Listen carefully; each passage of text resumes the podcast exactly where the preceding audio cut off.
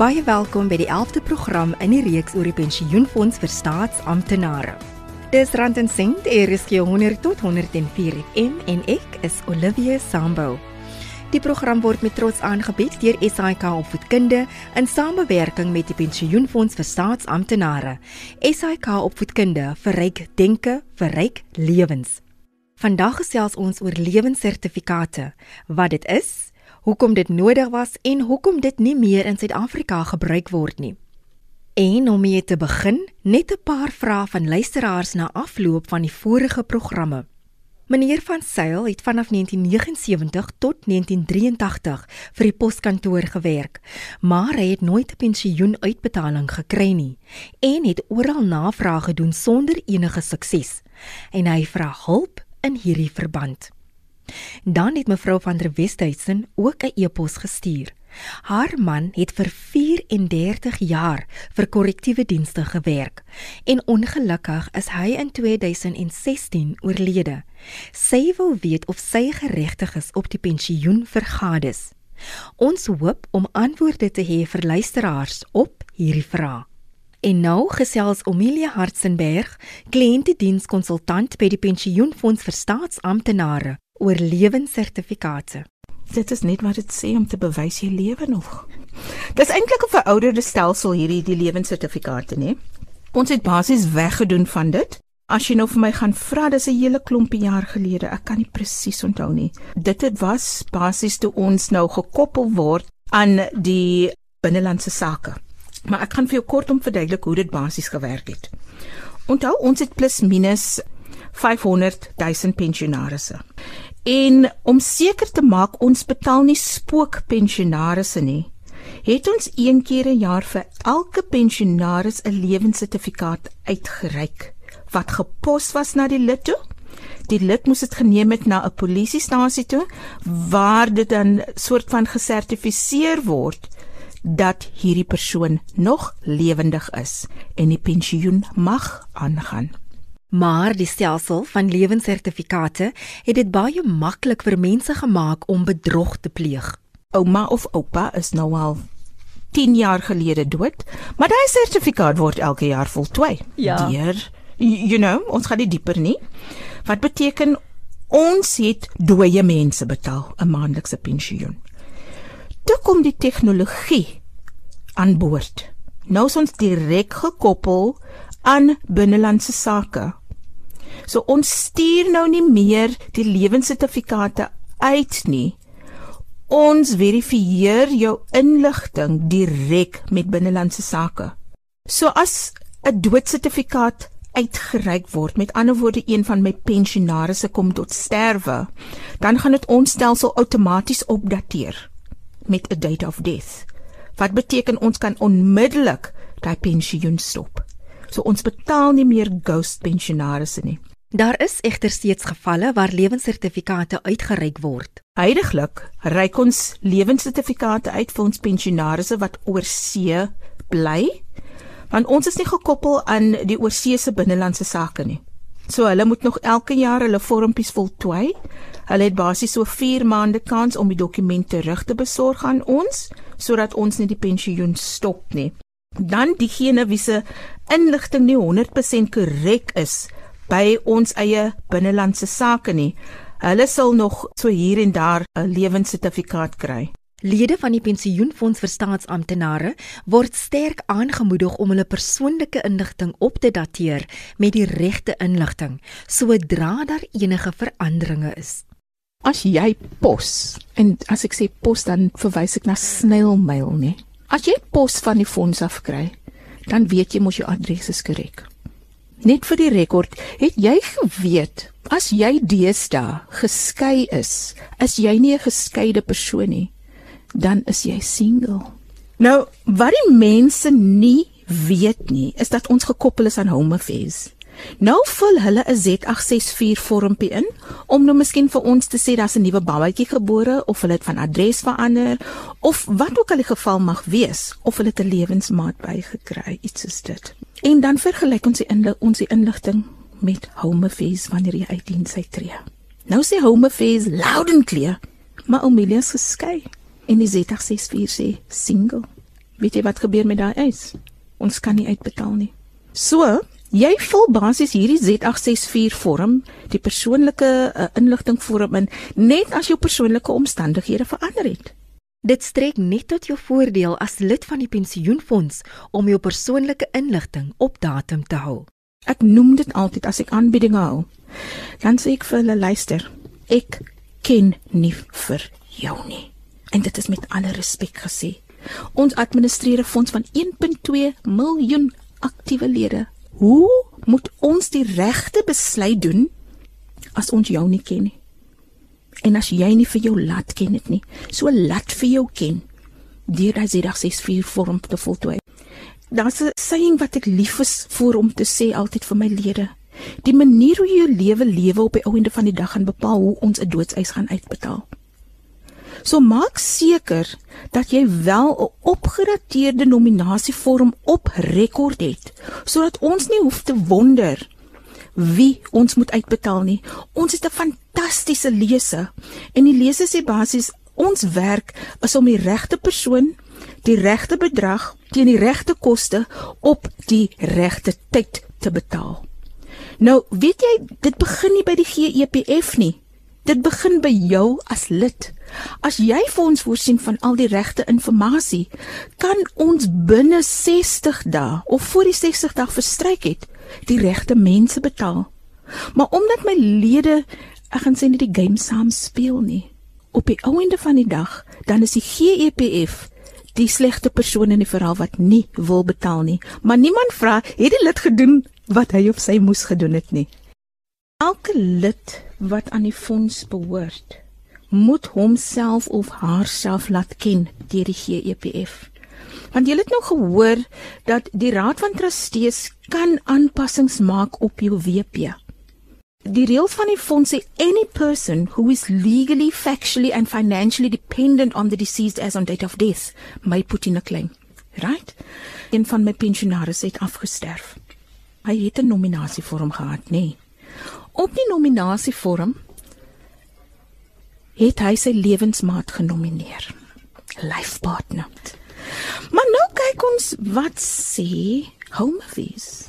En Home Office sê maar hierdie persoon is getroud. So nou sit ons met twee verskillende partye. Hy het, hy het sy lewensmaat genomineer om die doodsvoordeel te kry of die 5 jaar balans te kry. Maar wie gaan die maandelikse pensioen kry? Die vrou. Die een met die trousertifikaat. Hulle was al vir 15 jaar van bed en tafel geskei. Hulle het nie eens geweet waar waar die ander een was nie. En hy het hierdie lewensmaat vir 'n paar jaar gehad al. So die wetgewing sê ons moet volgens die WP optree. Ons betaal die enkelbedrag uit aan die lewensmaat. Maar die reëls van die fonds sê die persoon met die trousertifikaat moet die maandelikse pensioen kry.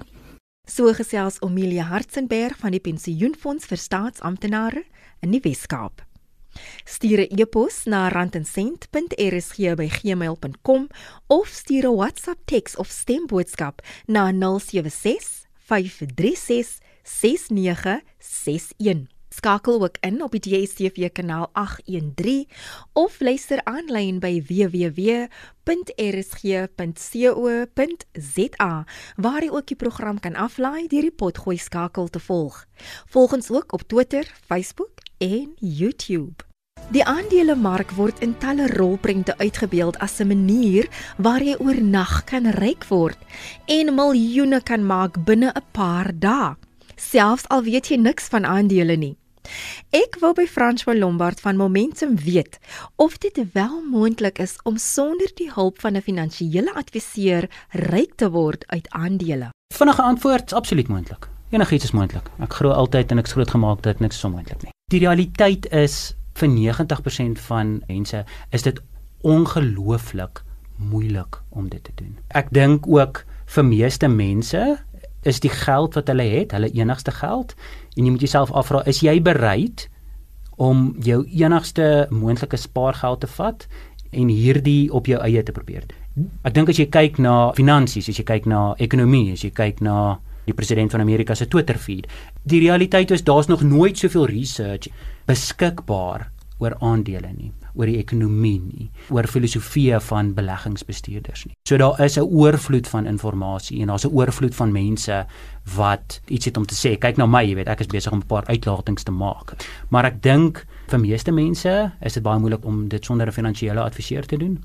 Ek sal mense wel aanbeveel om as 'n stokperdjie 'n 10000 of 'n 5000 rand te vat en daai paar aandele te koop en as 'n stokperdjie te kyk en ek dink is altyd goed om om te weet van wat aangaan in die wêreld, te weet wat aangaan in die ekonomie en jy, jy kyk na Eskom en SAL en jy weet om ingelig te wees oor daai goed, dit dryf tog ons ons ekonomie. Ek ek voel dit is belangrik en ek voel mense kan daarbey baat vind, maar in terme van 'n groot deel van jou geld sal ek dit nie doen sonder die hulp van 'n finansiële adviseur nie. En dan die groot vraag waarmee byna elke belegger worstel. Wanneer is die regte tyd om te koop en wanneer moet ek verkoop? Ek kan jou maar seker 'n paar punte gee oor hoe ek daarna dink. Wanneer ek 'n aandeel koop, ek het altyd 'n vlak waar ek voel wonderlik. Okay, wel ek het goed gedoen uit hierdie aandeel uit, nê? Nee? So kom ons sê ons koop um, een of ander aandeel en wanneer ek die aandeel koop, identifiseer ek altyd vir myself hoeveel persent ek graag uit hierdie aandeel sal wil maak waarmee is ek gemaklik, maar ook watser los as ek dit so kan stel. Ek ook mee gemaklik sal wees. En tweedens ek kyk na hoe lank ek hierdie aandeel kan hou. Daai twee is vir my die twee belangrikste goed. So ek voel altyd as ek 'n aandeel gekoop het en ek het geïdentifiseer dat ek graag 10 of 15% uit die aandeel wil maak, as die aandeel 10 en 15% gemaak het, voel ek gemaklik om dit te verkoop. Of die aandeel dan nou nog 'n uh, verdere 10 en 20% maak, weer eens kom dit by die emosies uit. Maar ek voel gemaklik. Dit is moeilik want ek dink jy moet dit kombineer met hoeveel tyd het jy. As jy 'n aandeel koop vir 'n goeie 10 en 15 jaar, dink ek iets wat jy kan doen is moontlik om koop en hou. Koop en hou die aandeel. So dit is meer iets vir 'n vir die langtermyn, kom ons sê 5 tot 10 jaar, voel ek altyd gemaklik om 'n aandeel te koop en die aandeel te hou. Want jy gaan hierdie bewegings in die aandelemark, jy kyk na daai North Star van jou en jy weet dat hopelik oor 5 en 10 jaar elke aandeel tog 'n opbrengs sal opbring. Oor die korter termyn kyk ek na ek is bereid om soveel te verloor aan die onderkant in terme van 'n verlies en dan verkoop ek die aandeel of 10 tot 15% ek is gemaklik met die opbrengs. Kom ons beweeg aan na 'n ander aandeel toe. Want dit kom weer terug na die punt, jou doelwit. Absoluut. So identifiseer daai doelwit. Oor die korter termyn dink ek jy moet 'n doelwit stel in terme van 'n persentasie. Oor die langtermyn streng gesproke behoort aandele tog op te gaan in prys. En so jy kan 'n strategie volg waar jy 'n aandeel koop en hom hou vir menige jare. Daar's soveel mense wat ryk geword het van dalk 'n oom en 'n tannie wat Naspers gekoop het 40 jaar terug of 30 jaar terug. Nie eers daarvan geweet het nie.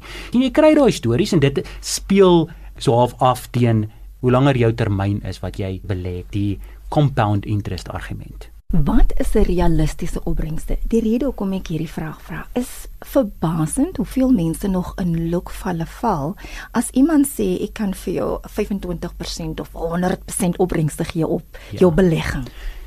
Weet jy dit is so 'n 'n fantastiese vraag. Wat ek altyd sê is vra jouself altyd af wat is die riskvrye opbrengs in die land? So kyk na wat 'n goeie geldmark jy sal gee. Sonder om te akkuraat te wees, kom ons sê moontlik tussen 7 en 8%. En jy moet alles vergelyk daarmee. So riskvrye bate, kom ons sê soos geldmark kan vir jou tussen 7 en 8% gee. Ek kyk na kom ons noem dit moontlike piramideskemas, maar wat 20 en 30% 'n jaar vir beleggers kan gee. Ek vra myself altyd af as die riskvrye opbrengs in Suid-Afrika kom ons sê tussen 7 en 8 is, hoe kan enige iemand anders tussen 20 en 30% vir iemand guarantee? Hoe is dit moontlik? Ek dink dit is vreeslik moeilik want ek dink in die begin van 'n piramide skema is daar mense wat daai tipe opbrengs doen. Dit is die wat later inkom wat natuurlik nooit daai opbrengs sien en, en nooit weer hulle geld terugkry nie. En ek dink in 'n mark wat in baie bateklasse geen opbrengs getoon het in kom ons sê 3 tot 4 jaar. Mense word desperaat. Kom ons sê jy is moontlik in 'n in 'n lewende anniteit. Jy trek 'n inkomste van tussen 2.5 en en 17.5 en jy sien dat jou kapitaal nie groei nie. Mense word desperaat. Ek sal net altyd alles vergelyk met wat die riskvrye opbrengs is en ook if it seems too good to be true. Van hierdie skemas raak al hoe meer gesofistikeerd, so dis moeilik om hulle uit te ken, maar ek dink tog daar's baie wat 'n 'n kliënt kan doen op sy eie navorsing om te sien of die bateklas of die portefeulje of die beleggingsinstrument wat die kliënt in belê of dit moontlik too good to be true is. Die ongelukkige werklikheid is dat jy jou eie navorsing moet doen. En al verstaan jy nie altyd nie, maar dan net om 'n bietjie al is dit net 'n druppel agtergrond te kan hê van die basiese kennis wat nodig is om 'n belegging te kan maak. As jy dan voel dat ek wil my geld op my eie belê. Ja, kyk, glo dit of nie, ek het die Rand en Sent boek van Susan, is reg? Susan En die die die realiteit is boeke soos daai is wonderlik geskryf. Daar's geen rede meer vir iemand om te sê ek is nie altyd seker wat aangaan in die ekonomie.